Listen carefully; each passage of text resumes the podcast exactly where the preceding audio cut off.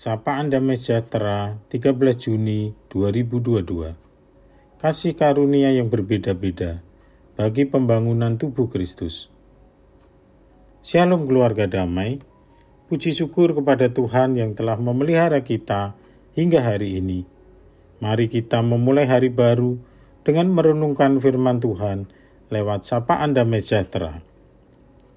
Sebelumnya mari kita buka dalam doa. Tuhan kami mengucap syukur atas kasih karuniamu hingga pagi ini. Kami memohon hikmat dan tuntunanmu untuk merenungkan firmanmu sebagai dasar kami menjalani kehidupan kami. Dalam nama Yesus, kami mengucap syukur dan berdoa. Haleluya. Amin. Firman Tuhan yang mendasari sama pagi ini diambil dari Efesus 4 ayat 7 sampai 16 yang berbunyi demikian tetapi kepada kita masing-masing telah dianugerahkan kasih karunia menurut ukuran pemberian Kristus. Itulah sebabnya kata Nas, tatkala ia naik ke tempat tinggi, ia membawa tawanan-tawanan. Ia memberikan pemberian-pemberian kepada manusia.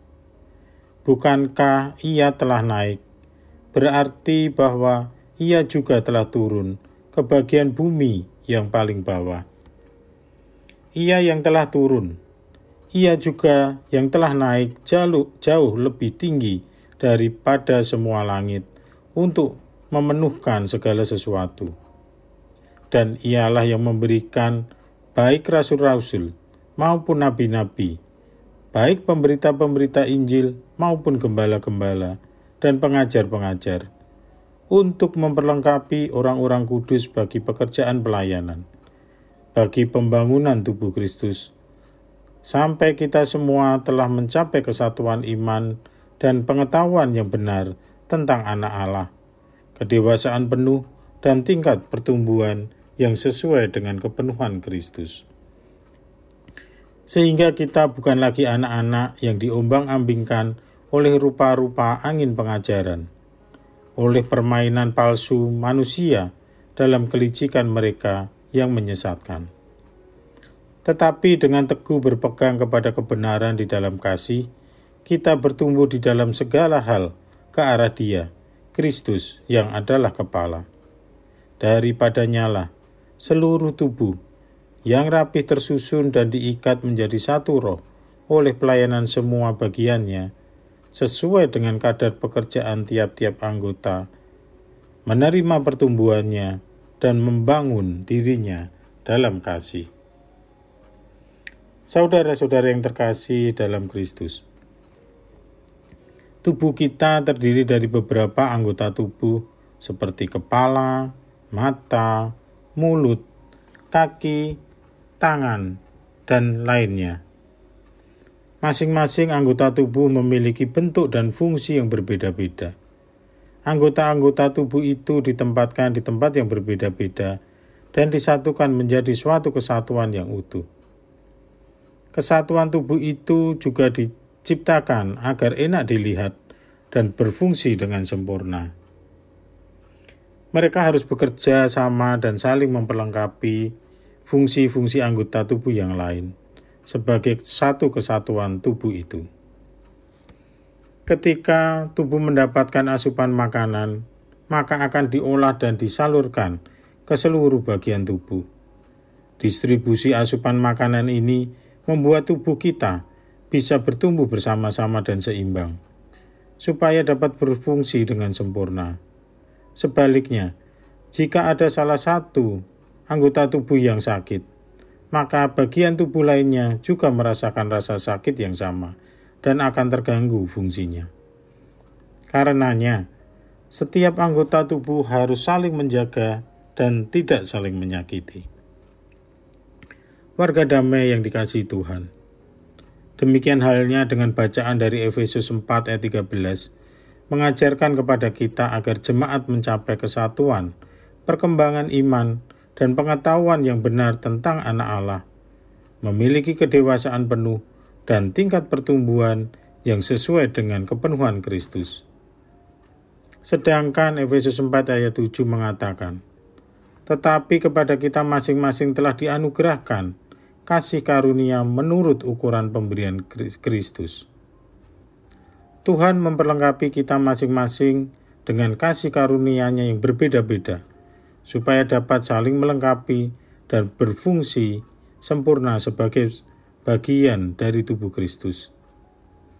Tuhan memberikan kita karunia yang berbeda-beda supaya kita saling bergantung, saling berbagi, saling melayani, saling mengasihi, dan saling memperhatikan. Di sinilah letak dari kesempurnaan itu. Ketika kita mau menyadari dan menjalankan karunia yang diberikan oleh Tuhan bagi kita masing-masing. Di dalam sebuah kehidupan bergereja, jemaat bisa mengambil bagian pelayanan yang berbeda-beda sesuai karunia ya, yang diterimanya. Ada yang melayani sebagai guru sekolah minggu, pemusik, kantoria, anggota paduan suara, pelawat, aser, penata dekorasi, tim gugus tugas, penatua, bahkan pendeta sekalipun. Tugas dan fungsi masing-masing tim pelayanan itu berbeda-beda, namun harus menjadi satu kesatuan anggota tubuh gereja, agar pelayanan gereja dapat berjalan dengan baik dan memberikan berkat bagi jemaat dan masyarakat di sekitarnya. Demikian halnya dalam suatu keluarga. Tuhan mengaruniakan bagi kita masing-masing untuk menjadi bapak yang memimpin, ibu yang selalu mengasihi dan siap sedia melayani anggota keluarganya, serta anak-anak yang taat dan menghormati orang tuanya. Perbedaan peran itu akan sempurna jika setiap anggota keluarga bisa mengambil peran dan menjalankan fungsinya dengan baik yang didasarkan pada, pada ajaran firman Tuhan. Jika kita menyadari kasih karunia dari Tuhan sebagai set, bagi setiap hidup kita yang berbeda-beda, maka kita dengan sukarela dan senang hati untuk menjalankan peran dan fungsi masing-masing.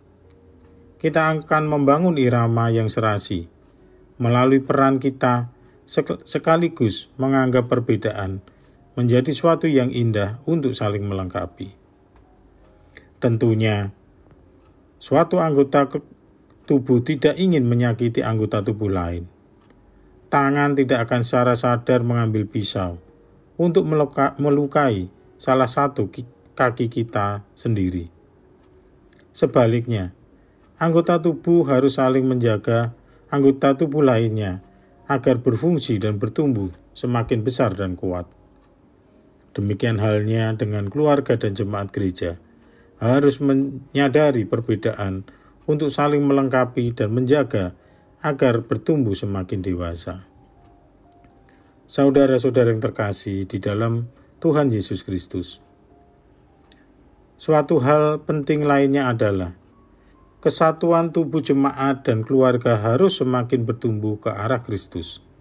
Seperti dalam Efesus 4 ayat 15 tetapi dengan teguh berpegang kepada kebenaran di dalam kasih, kita bertumbuh di dalam segala hal ke arah Dia, Kristus yang adalah kepala. Maka, tubuh jemaat dan keluarga harus menjadi satu iman yang saling menopang, menguatkan, mengasihi, mendoakan sebagai tubuh Kristus yang hidup. Kita harus hidup berdasarkan firman Tuhan dan terus hidup semakin mengenal dan dewasa di dalam pengenalan kepada Tuhan. Kita siap dipakai oleh Tuhan sebagai alatnya untuk suatu pekerjaan besar yang disediakan oleh Tuhan bagi setiap orang yang percaya.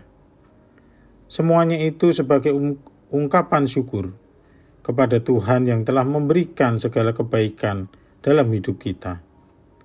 Tidak ada yang lebih berharga bagi kita selain mempersembahkan hidup kita menjadi persembahan yang harum dan kudus bagi Tuhan. Karenanya, saudara-saudara, kita harus menyadari sekecil apa pun peran dan fungsi kita dalam anggota tubuh, jemaat, dan keluarga. Tidak ada sesuatu yang percuma, sebab setiap kita berharga di hadapan Tuhan. setiap kita mendapat kasih karunia dari Tuhan untuk kita kembangkan bagi kemuliaan nama Tuhan. Dengan demikian, kita akan menyadari dan mengetahui bahwa setiap peran dan pelayanan kita merupakan sebuah kasih karunia yang membawa kita untuk mencapai kesatuan iman dan pengetahuan yang benar tentang anak Allah, kedewasaan penuh, dan tingkat pertumbuhan yang sesuai dengan kepenuhan Kristus. Marilah kita berdoa. Tuhan, ajar kami mensyukuri kasih karuniamu pada setiap kami untuk mengambil bagian dalam pelayanan untuk pembangunan tubuh Kristus. Ajar kami untuk semakin dekat denganmu, agar kami mencapai kesatuan iman dan pengetahuan yang benar tentangmu. Suatu kerinduan bagi kami memiliki kedewasaan penuh dan bertumbuh dengan kepenuhan Kristus dalam nama Tuhan kami Yesus Kristus, kami berdoa. Amin. Selamat menjalani hari baru. Kiranya Tuhan memberikan kesehatan dan penyertaan bagi kehidupan kita sekalian. Tuhan Yesus memberkati.